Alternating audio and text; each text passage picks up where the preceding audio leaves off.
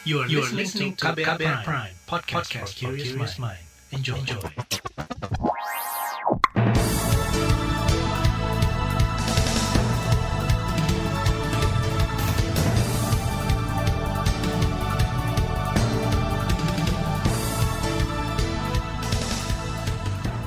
Inilah buletin pagi edisi 19 Juli 2021 saya Reski Mesanto. Pagi ini sejumlah informasi telah kami siapkan untuk Anda. Di antaranya pemerintah belum putuskan perpanjangan PPKM darurat. Presiden instruksikan Menkes habiskan stok vaksin COVID-19 dan seorang tewas di kontak senjata Satgas Madagoraya di MIT Poso. Dan inilah buletin pagi selengkapnya. Terbaru di buletin pagi. Saudara, pemerintah belum memutuskan perpanjangan pemberlakuan pembatasan kegiatan masyarakat PPKM darurat. Kebijakan untuk menekan mobilitas dan memutus rantai penyebaran virus corona dan berbagai variannya ini sedianya akan berakhir pada Selasa 20 Juli mendatang. Presiden Joko Widodo mengatakan, perpanjangan PPKM darurat hal yang sensitif sehingga harus diputuskan secara hati-hati dengan perhitungan cermat. Ini pertanyaan dari masyarakat sekarang ini adalah satu yang penting yang perlu kita jawab PPKM darurat ini akan diperpanjang tidak? Kalau mau diperpanjang sampai kapan?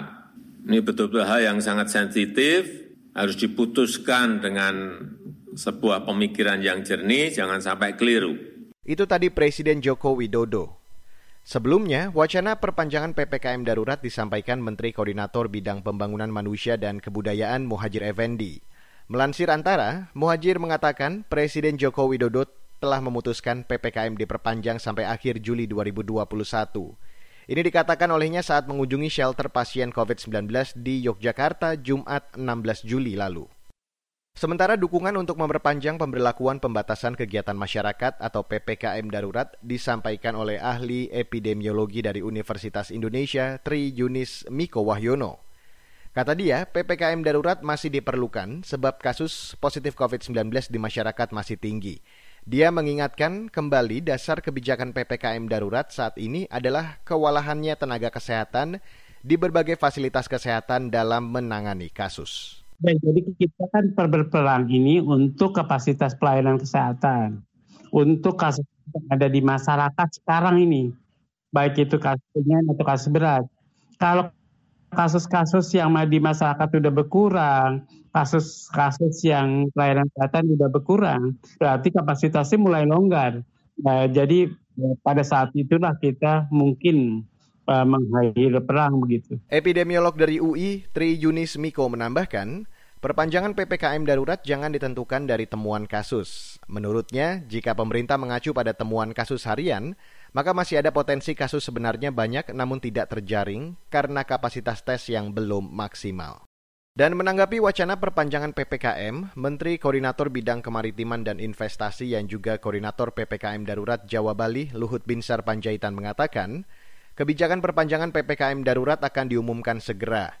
Kata dia, evaluasi juga tengah dilakukan terkait dengan dua indikator, yakni penambahan kasus dan bed occupancy rate atau BOR rumah sakit. Saat ini kami sedang melakukan evaluasi terhadap apakah PPKM dengan jangka waktu dan apakah dibutuhkan perpanjang lebih lanjut.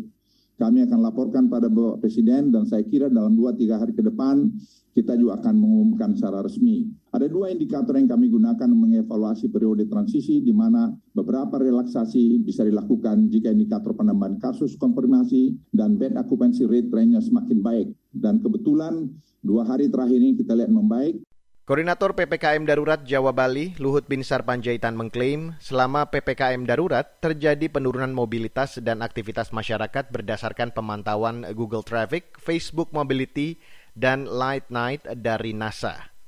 Kendati demikian, kata dia, penurunan mobilitas tersebut tidak serta-merta tercemin dalam jumlah kasus konfirmasi COVID-19 harian. Ini lantaran masa inkubasi penularan virus sekitar 14 hingga 21 hari dan hadirnya varian Delta yang memiliki tingkat penularan tujuh kali lebih tinggi dari varian sebelumnya. Dia meminta masyarakat tetap menjalankan protokol kesehatan ketat dan mengikuti program vaksinasi untuk menciptakan kekebalan kelompok atau herd immunity. Saudara, Satuan Tugas Penanggulangan COVID-19 mengakui wacana perpanjangan pemberlakuan pembatasan kegiatan masyarakat atau PPKM darurat adalah situasi yang tidak mudah bagi pemerintah. Menurut Ketua Bidang Komunikasi Publik Satgas Penanganan COVID-19, Heri Trianto, pemerintah tengah mencari cara yang paling tepat meminimalkan resiko perpanjangan PPKM darurat di tengah resiko penularan virus yang masih cukup tinggi. Memang pada kenyataannya dari sisi kesehatan Eh, penularan ini masih cukup tinggi. Kita ini sebenarnya tidak punya banyak pilihan. Jadi ini pilihan terburuk dari uh, deretan pilihan-pilihan buruk seperti itu yang ada dan uh, dan sedapat mungkin kita tekan eh, impact-nya agar tidak terlalu membebani masyarakat. Ketua Bidang Komunikasi Publik Satgas Penanganan COVID-19 Heri Trianto menambahkan, Salah satu cara meminimalkan dampak yang diterima masyarakat dari perpanjangan PPKM darurat adalah menaikkan anggaran program perlindungan sosial dari 153,86 triliun menjadi 187,84 triliun rupiah. Sementara itu, pemerintah Provinsi Jawa Tengah menyatakan siap membantu masyarakat yang terdampak PPKM darurat. Menurut Gubernur Jawa Tengah Ganjar Pranowo, bantuan itu diharapkan membuat masyarakat tak khawatir menghadapi rencana perpanjangan PPKM darurat. Saya kira peran perbankan, OJK, reschedule, terus kemudian mungkin kemudahan kita untuk um, apa namanya iuran atau bayaran soal listrik ini dikelola lagi, maka kalau kemudian kita mau melakukan uh, satu tindakan ppkm lagi, harapan kita masyarakat memahami dia tenang di rumah dan harus ada sesuatu yang membuat mereka bisa tenang di rumah. Gubernur Jawa Tengah Ganjar Pranowo mengatakan, Pihaknya akan memberi pemahaman kepada masyarakat terkait aturan PPKM darurat dengan melibatkan sejumlah pihak, mulai dari aparat penegak hukum hingga tokoh masyarakat. Meski tak mudah, Ganjar pun meminta masyarakat saling mengingatkan disiplin dan mematuhi protokol kesehatan COVID-19 untuk menekan penularan virus corona. Saudara, peningkatan kasus COVID-19 masih terus terjadi. Ini menunjukkan penyebaran virus corona belum terkendali. Menurut situs data real-time Worldometers, pada hari Minggu 18 Juli 2021 kemarin, Indonesia masih masuk dalam lima besar negara dengan kasus harian tertinggi di dunia – Indonesia mencatatkan penambahan 51.952 kasus positif. Saudara, pemerintah daerah diminta segera menghabiskan stok vaksin COVID-19. Informasi selengkapnya sesaat lagi, tetaplah di Buletin Pagi KBR. You're listening to KBR Pride, podcast for curious mind. Enjoy!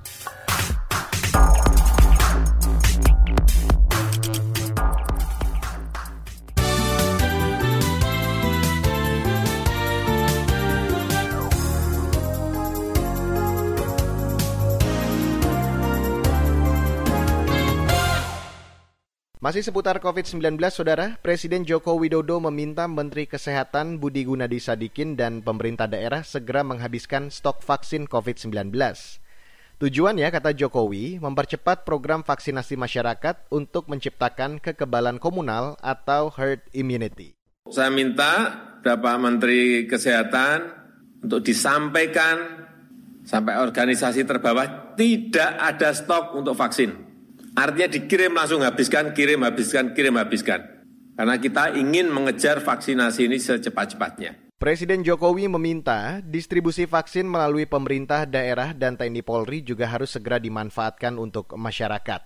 Saat ini jumlah vaksin yang masuk ke Indonesia baik dalam bentuk bahan baku maupun vaksin jadi sebanyak 137 juta dosis. Sedangkan penyuntikan baru mencapai 54 juta dosis. Jokowi meminta vaksinasi dari pintu ke pintu diteruskan, termasuk mempercepat penyaluran bantuan sosial dan bansos beras kepada masyarakat yang terdampak PPKM darurat.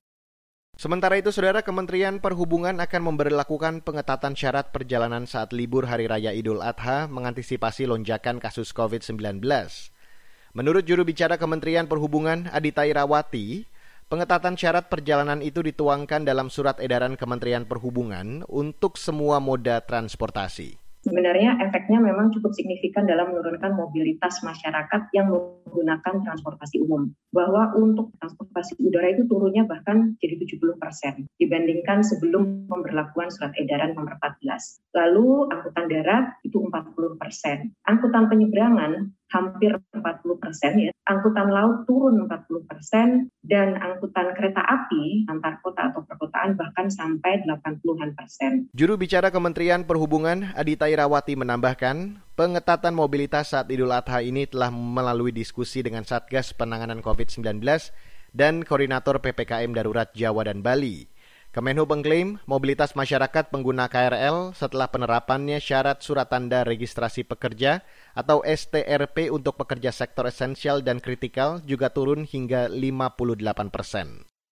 Saudara Ketua Yayasan Lembaga Bantuan Hukum Indonesia atau YLBHI Asfinawati menilai Pernyataan Menteri Koordinator Pembangunan Manusia dan Kebudayaan atau PMK Muhajir Effendi soal situasi darurat militer terkait penanganan COVID-19 menunjukkan ketidakpahaman soal pelibatan personil TNI di undang-undang. Hal ini disampaikan Aswin merespon pernyataan Menko PMK Muhajir yang menyebut situasi pandemi COVID-19 Indonesia sudah dalam keadaan darurat militer. Asfinawati menilai kondisi darurat militer lebih parah dari darurat sipil. Uh, kemudian diulang lagi sekarang oleh oleh Menko PMK, sorry, yang mengatakan sekarang sedang darurat militer. Darurat militer itu lebih parah lagi daripada darurat sipil.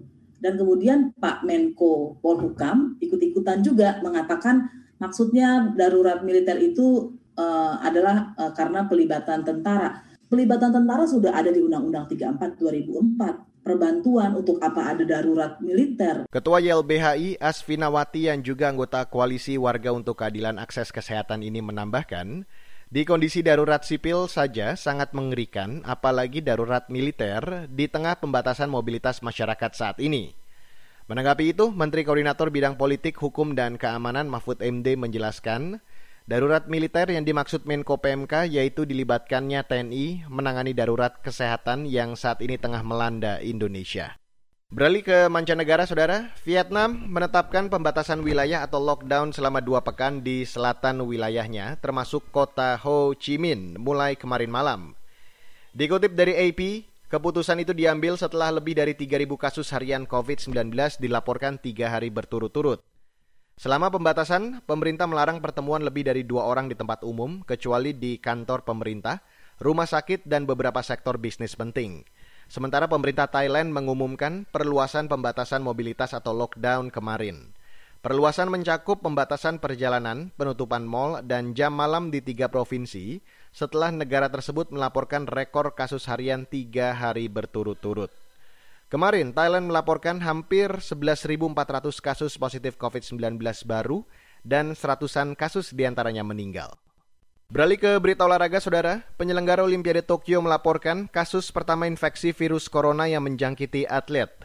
Melansir AFP, ada dua atlet yang terkonfirmasi positif COVID-19 di kampung atlet Olimpiade Tokyo usai dilakukan tes. Kasus COVID itu meningkatkan kekhawatiran masyarakat atas gelaran Olimpiade yang akan resmi dimulai pekan depan. Sementara menurut laporan Reuters, setidaknya ada 10 kasus baru dalam kegiatan Olimpiade Tokyo yang menjangkit pihak media, kontraktor, ataupun personel lainnya. Selain itu, rombongan kontingen Olimpiade Indonesia yang terdiri dari 13 atlet dan 11 pelatih dari 5 cabang olahraga tiba di Jepang kemarin. Kontingen itu yaitu empat atlet panahan, empat atlet angkat besi, satu atlet menembak, dua atlet renang, dua atlet cadangan, serta empat tim pendukung. Saudara, sesaat lagi akan kami hadirkan laporan khas KBR mengenai polemik hibah lahan GKI Yasmin. Tetaplah di Buletin Pagi. You're listening to KBR Pride, podcast for curious mind. Enjoy!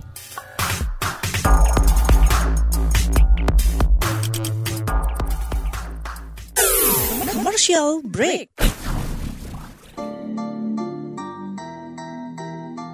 Come on yo, buat yang sukanya berhoax, you better listen to this one. Check this one out yo. Hati-hati kalau baca kabar hoax, jangan langsung disebar kabar yang hoax. Kalau mau tahu kabar benar atau hoax, dengerin cek fakta yang pasti bukan hoax. Dengerinnya setiap Senin yang jelas bukan hoax. Cuma ada di kbrprime.id dan aplikasi podcast lainnya. Hoax. Sudah cukup-cukup hoaxnya? Hoax. Cukup. Jaga emosi, tahan jari, verifikasi sebelum dibagi. Saya Ari Bowo Sasmito, Ketua Komite Pemeriksa Fakta Mafindo. KBR Prime, podcast for curious mind.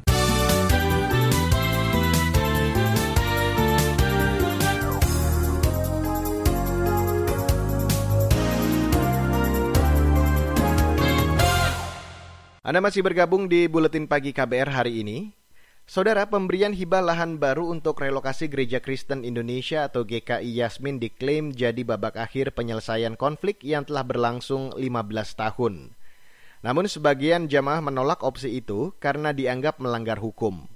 Solusi ala kompromi tersebut juga dikhawatirkan jadi presiden buruk bagi penyelesaian kasus-kasus intoleransi lain. Simak laporan khas KBR yang disusun Valda Kustarini. Pemerintah daerah Bogor memberikan relokasi tanah untuk dapat gunakan menggantikan lokasi yang telah secara hukum dimenangkan di persidangan. Ya Tuhan, secara manusiawi, sungguh kekuatan kami terbatas.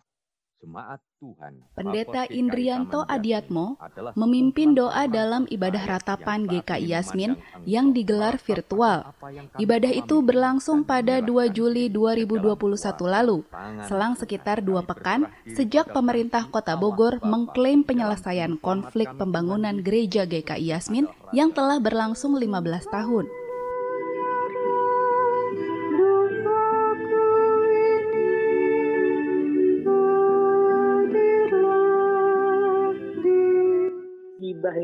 Sebenarnya sebuah hal yang tidak bisa diterima oleh jemaat dan pengurus karena dia tentu saja melawan hal prinsipil yang kita perjuangkan sejak lama.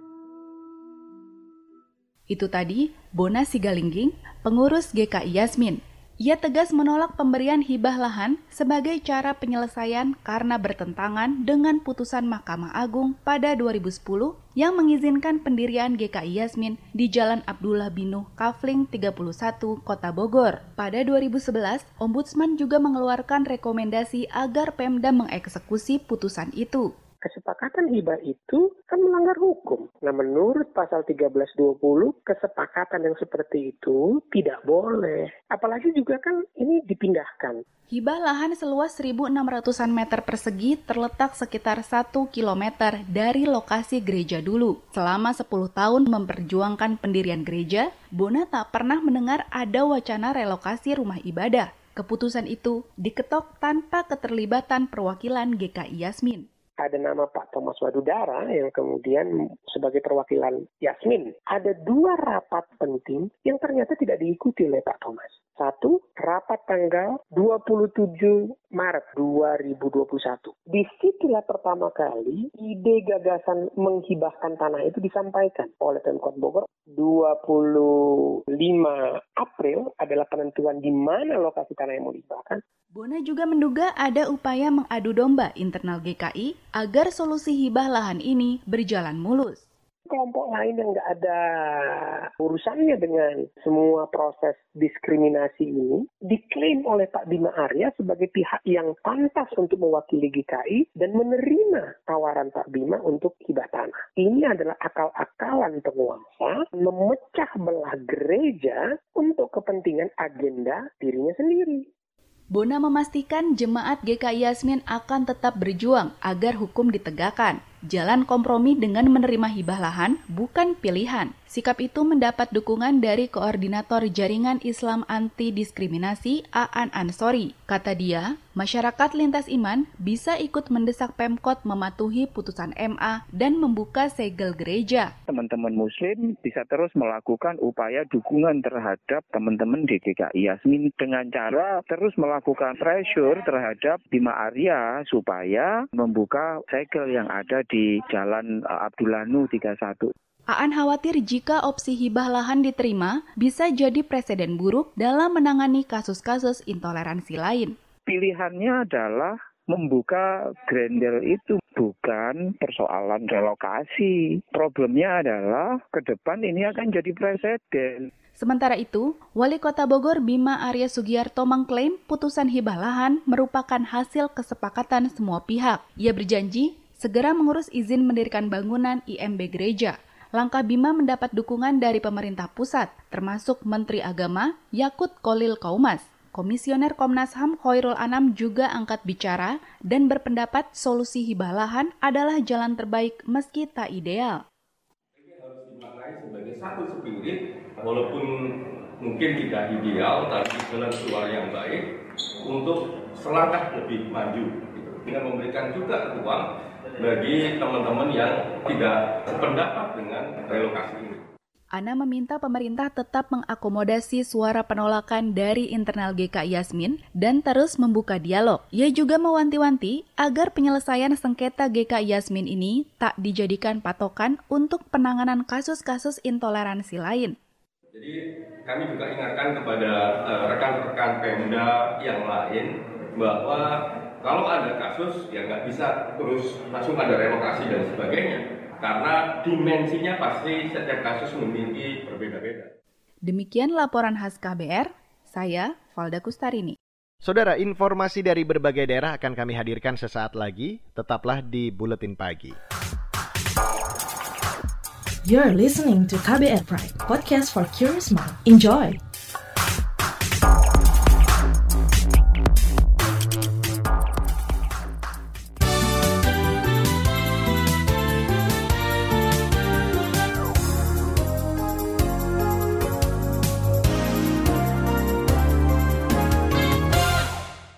Dan inilah bagian akhir dari buletin pagi KBR. Saudara, kontak senjata antara Satuan Tugas Operasi Madagoraya dan kelompok Mujahidin Indonesia Timur di Poso, Sulawesi Tengah kembali terjadi. Kontak senjata menewaskan seorang anggota MIT Poso. Menurut juru bicara Satuan Tugas Operasi Madagoraya, Bronto Budiono, jenazah anggota MIT Poso ini dievakuasi dan diidentifikasi di Rumah Sakit Bayangkara Palu. Juru bicara Satuan Tugas Operasi Madagoraya Bronto Budiono menambahkan, kontak senjata ini merupakan rentetan kejadian pekan sebelumnya yang juga menewaskan dua orang anggota MIT Poso. Saat ini Satgas Madagoraya mengklaim masih mengejar enam DPO lainnya, bagian dari kelompok MIT Poso. Dan kita beralih ke Jawa Tengah, Saudara. Penutupan jalan utama di Kabupaten Rembang menuai protes masyarakat. Penutupan jalan bahkan dianggap menunjukkan penanganan COVID-19 di kabupaten itu setengah hati. Informasi selengkapnya saya ajak Anda untuk bergabung bersama Musyafa, reporter radio jaringan dari Radio R2B Rembang. Musyafa. Sejumlah kalangan mendesak penutupan akses jalan di kawasan dalam kota Rembang dikaji ulang. Sutejo, seorang pengguna jalan, berpendapat penutupan jalan menunjukkan penanganan separuh-separuh dampaknya rawan menambah kesusahan masyarakat, terutama bagi pekerja harian. Itu saya rasa dengan cara seperti ini kurang efektif. Kesannya itu akan berjalan separuh-separuh kalau kita membasmi atau memutus mata rantai COVID. Gitu. Banyak masyarakat yang kesehariannya dimakan untuk besok. Ketika semua banyak yang dibatasi terus kita juga susah itu loh. Itu tadi pendapat Sutejo, seorang pengguna jalan. Kapolres Rembang AKBP Kurniawan Tandi Rongre menyampaikan penutupan sejumlah ruas jalan guna mengurangi mobilitas masyarakat sehingga tidak terjadi kerumunan orang di suatu tempat. Mungkin cuma lewat ada nggak terlalu penting sehingga mau lewat situ akhirnya jadi singgah nongkrong atau nggak urgen lah, urgensinya kurang. Soal apakah akses jalan yang ditutup akan ditambah atau dikurangi, Kapolres menimpali perlu melihat dinamika di lapangan. Musyafa R2B Rembang melaporkan untuk KBR. Dan saudara informasi tadi sekaligus menutup buletin pagi untuk hari ini edisi 19 Juli 2021. Terima kasih untuk Anda yang sudah bergabung di buletin pagi hari ini dan jangan lupa untuk selalu menerapkan dan mematuhi protokol kesehatan di mana pun Anda berada. Dan ingat apabila Anda tidak memiliki kebutuhan yang benar-benar mendesak atau Anda memungkinkan untuk bekerja dari rumah, tetaplah di rumah bersama-sama kita putus rantai penyebaran COVID-19 ini. Mewakili tim redaksi yang bertugas pagi hari ini, saya Reski Mesanto undur diri dari Buletin Pagi. Salam.